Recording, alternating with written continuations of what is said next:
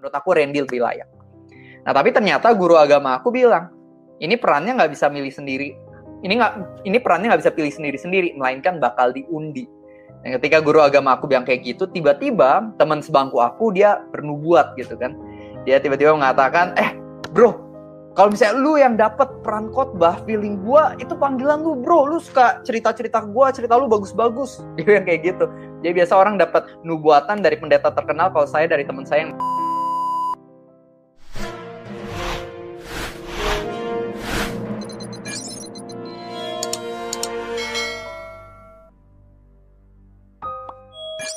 Jadi perkenalin teman-teman nama aku Revi dan aku mau kasih sedikit kesaksian aku. Jadi aku ini sebenarnya dulu pas zaman-zaman sekolah SMP SMA aku bukan anak gereja ya bisa dibilang ya. Aku emang Kristen dari KTP sejak lahir Kristen, orang tua soalnya Kristen.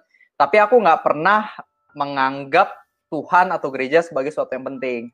Jadi biasanya di hari Minggu ya aku cuma datang ke gereja, ikut ibadah, tapi pas pulang ya lupa gitu apa isi khotbahnya gitu, nggak pernah perhatiin gitu. Cuma tradisi keluarga aja ya kan tiap minggu ke gereja, pulangnya makan bakmi atau sebelumnya makan bakmi dulu gitu. Nah hingga suatu hari pas aku masa-masa akhir SMA, aku punya beberapa masalah dalam hidup yang bikin aku sangat khawatir, sangat takut. Nah, akhirnya aku cari-cari yang namanya harapan. I search for hope dan aku nontonin tuh video para motivator. Nah, ketika aku nonton video para motivator ini, aku ketemu satu motivator yang menarik banget, namanya Nick Vujicic. Itu motivator yang nggak punya tangan, nggak punya kaki. Pas aku nonton, ih keren banget ya. Kok dia nggak punya tangan, nggak punya kaki, tapi bisa motivasi orang-orang yang punya tangan, punya kaki. Kok bisa? Gimana caranya? Kok dia bisa tersenyum kayak gitu di tengah keadaannya yang nggak punya tangan, nggak punya kaki? Nah, ketika aku nontonin tuh video-video dia, ternyata dia bilang dia adalah seorang Kristen dan dia cerita bagaimana dia menemukan harapannya lewat pengenalan akan Tuhan Yesus. Jadi ini cerita gimana dulu dia sebenarnya juga udah sempat mau bunuh diri, tapi pada suatu hari dia buka Alkitab, di mana di Alkitab diceritain waktu itu Tuhan Yesus sedang berjalan melewati sebuah kota dan para murid uh, mereka semua bertemu dengan orang yang terlahir buta. Para murid bertanya, "Guru, kenapa orang ini terlahir buta? Apakah karena dosanya atau dosa orang tuanya?"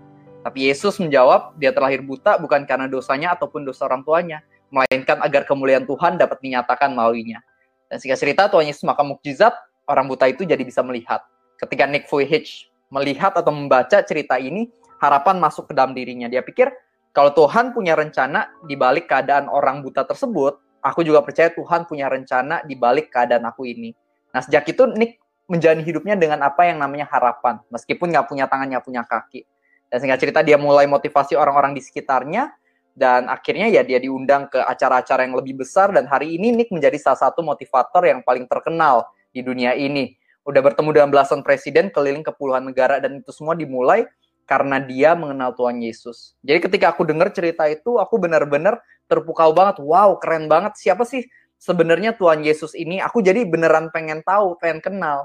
Jadi aku nontonin tuh khotbah-khotbah dari Nick Vujicic dan beberapa khotbah pendeta lainnya aku pengen tahu. Dan aku sering banget termotivasi oleh karena cerita-cerita dari para pendeta ini. Jadi aku suka berbagi ke teman sebangku aku di sekolah dulu.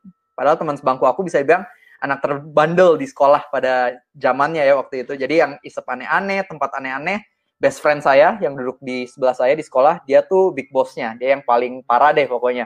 Tapi setiap kali ada cerita bagus, saya cerita atau sharingnya ke dia.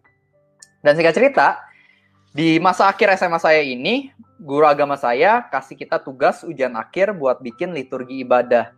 Jadi kita disuruh uh, membuat sebuah tim isinya 10 orang dan tiap orang punya perannya masing-masing.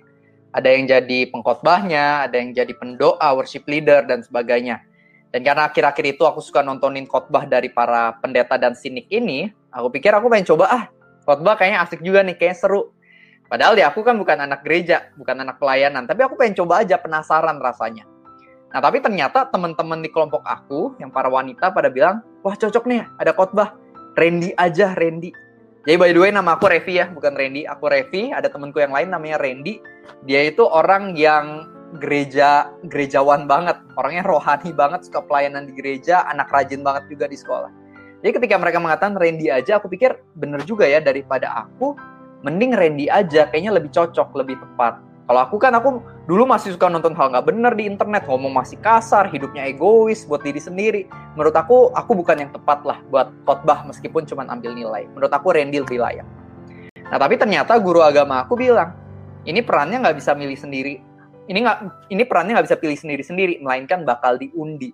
Dan ketika guru agama aku bilang kayak gitu, tiba-tiba teman sebangku aku dia bernubuat gitu kan. Dia tiba-tiba mengatakan, eh bro, kalau misalnya lu yang dapat peran khotbah, feeling gua itu panggilan lu, bro. Lu suka cerita-cerita gua, cerita lu bagus-bagus. Dia yang kayak gitu. Jadi biasa orang dapat nubuatan dari pendeta terkenal, kalau saya dari teman saya yang gitu kan. Nah, singkat cerita, teman-teman saya dan Randy maju ke depan dan masing-masing mengambil satu kertas undian. Lucunya, gak ada yang dapat peran khotbah sama sekali. Tinggal sisa tiga waktu itu. Akhirnya, aku, teman sebangku aku, dan satu orang lagi kita maju dan ambil kertas undian itu. Dan lucunya, dari 10 kertas undian itu, akulah yang dapat peran khotbah.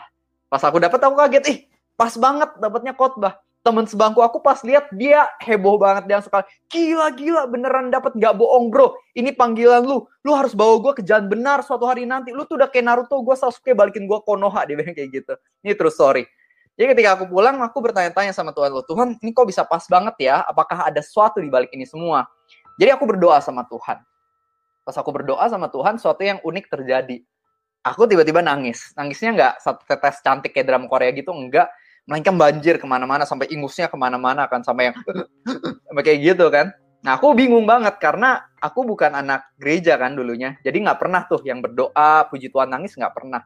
Bingung banget nih kenapa gua nangis mau berhenti juga kagak bisa ya ya udah dalam hati aku pikir ya Tuhan pimpin aja deh. Ini kalau misalnya emang ada sesuatu dari Tuhan ya udah Tuhan yang pimpin lah. Aku aku serahin lah sama Tuhan terserah Tuhan mau ngapain gitu. Dan singkat cerita beberapa bulan kemudian aku lanjut kuliah ke Amerika. Dan kata teman-teman aku wah bro fix lu ke Amerika pasti pergaulan lu makin rusak lah. Lu makin aneh-aneh. Di sana kan aneh-aneh gampang banget. Dan aku setuju banget di Amerika yang namanya aneh-aneh isep aneh-aneh tempat aneh-aneh itu gampang banget aksesnya tapi yang lucunya, di hari minggu pertama, aku memutuskan buat datang ke gereja. Aku nggak cari gereja yang besar, aku cuma cari yang paling dekat rumah. Dan ternyata yang berkhotbah atau jadi semacam pemimpin atau gembalanya buat satu tahun adalah Francis Chan. Dia pendeta yang sebenarnya cukup terkenal juga, penulis dari buku Crazy Love. Dan ketika dia khotbah, aku merasa ada sesuatu yang berbeda. Ketika dia bilang, Tuhan Yesus mati di atas kayu salib buat menebus dosa kamu karena dia sayang banget sama kamu, aku merasa dia bukan sekedar kasih informasi, tapi dia kayak beneran percaya bahwa Yesus Kristus adalah sahabat yang udah menyelamatkan hidupnya dan mengubah hidupnya. Jadi aku makin penasaran siapa sih sebenarnya Tuhan Yesus yang udah mengubah kehidupan Nick dan juga mengubah kehidupan Francis. Aku juga pengen kenal sama Tuhan Yesus. Jadi aku mulai baca tuh Alkitab, mulai baca buku rohani, nonton video-video khotbah dan di tengah itu semua aku jadi semakin cinta sama Tuhan Yesus, semakin kenal sama Tuhan Yesus dan ya akhirnya aku mengambil keputusan pengen coba bikin komsel atau komunitas kecil di tempat aku kuliah waktu itu. Ya aku bikin komunitas kecil buat orang-orang yang Indonesia yang ada di sana. Mereka ikut, ada beberapa orang dan di sana aku mulai latihan sharing, latihan ngomong kan. Jadi aku mulai coba atur sharing khotbah atau sharing dan habis itu aku sampaikan ke teman-teman aku di sana. Dan singkat cerita, dua tahun kemudian aku juga bikin website namanya gracedep.com, di mana aku mulai sharing renungan, aku mulai aktif di Instagram, sosmed, aku bagi-bagi uh, renungan, firman Tuhan, apa yang aku dapat, aku bagiin buat orang-orang, dan ternyata Tuhan bikin bertumbuh, Tuhan bikin berkembang, hingga suatu hari, tiba-tiba ada orang dari gereja GSJA, tiba-tiba undang aku buat khotbah di tempatnya. Dia bilang, Revi, bro Revi boleh nggak uh, isi khotbah di tempat kita? Saya bilang, aku masih ada di Amerika, enam bulan lagi baru pulang. Dia bilang, apa, kita jadwalin, ntar Agustus ya datang. Oke, catat dong. Akhirnya benar, Agustus datang ke gereja itu, aku mulai khotbah, dan singkat cerita, makin lama makin banyak undangan yang masuk. Makin banyak orang-orang yang pengen denger kesaksian, sharing, atau khotbah dari aku. Dan ya akhirnya sampai seperti saat ini gitu, bisa ada di podcast live YouTube ini juga ya, aku percaya itu semua dari Tuhan. Tapi yang menariknya buat aku, bahwa ternyata mungkin kertas yang bertulisan khotbah yang aku dapat pas zaman SMA, SMA itu memang ada panggilan Tuhan di dalamnya dan ternyata secara nggak sadar Tuhan yang pimpin sedikit demi sedikit hingga akhirnya dia melatih aku, dia memproses aku sehingga akhirnya aku bisa berkhotbah dengan baik dan sekarang ya bisa menjadi penyampai firman-Nya gitu. Ya yang menarik buat aku dari cerita atau kesaksian aku ini adalah ya Tuhan nggak manggil orang-orang yang sempurna, tapi dia menyempurnakan orang-orang yang dia panggil. Karena kalau bisa aku lihat diri aku yang dulu waktu SMA ketika aku dapat kertas tulisan khotbah itu, aku bukan orang yang tahu banyak soal Alkitab, pengetahuan soal Alkitab bisa juga mendekati nol. Aku bukan anak yang rajin beribadah, kehidupan masih kurang baik, masih banyak dosa yang dipelihara. Tapi di tengah itu semua Tuhan mengatakan aku sayang sama kamu dan aku mau menggunakan kamu. Dan aku percaya kalau misalnya Tuhan bisa menggunakan aku di tengah keadaanku yang dulu masih bobrok, aku percaya Tuhan juga bisa menggunakan kamu, memanggil kamu. Meskipun saat ini kamu merasa diri kamu belum beres, diri kamu masih punya banyak kesalahan, Tuhan bisa menggunakan kamu. Karena Tuhan kita adalah Tuhan yang berspesialisasi di dalam menggunakan orang-orang yang tidak memenuhi syarat. Dia bisa menggunakan Petrus yang merupakan penjala ikan buat jadi pemimpin gereja yang luar biasa. Dia bisa menggunakan Daud, seorang pembunuh dan penzina untuk melakukan hal-hal luar biasa untuk memimpin bangsa Israel dengan dahsyat. Tuhan bisa menggunakan Paulus yang dulunya mantan pembunuh orang-orang Kristen menjadi penginjil yang luar biasa. Maka itu saya percaya juga setiap dari kita Tuhan bisa pakai dengan ajaib dan luar biasa. Ya itu sedikit kesaksian dari aku, semoga memberkati.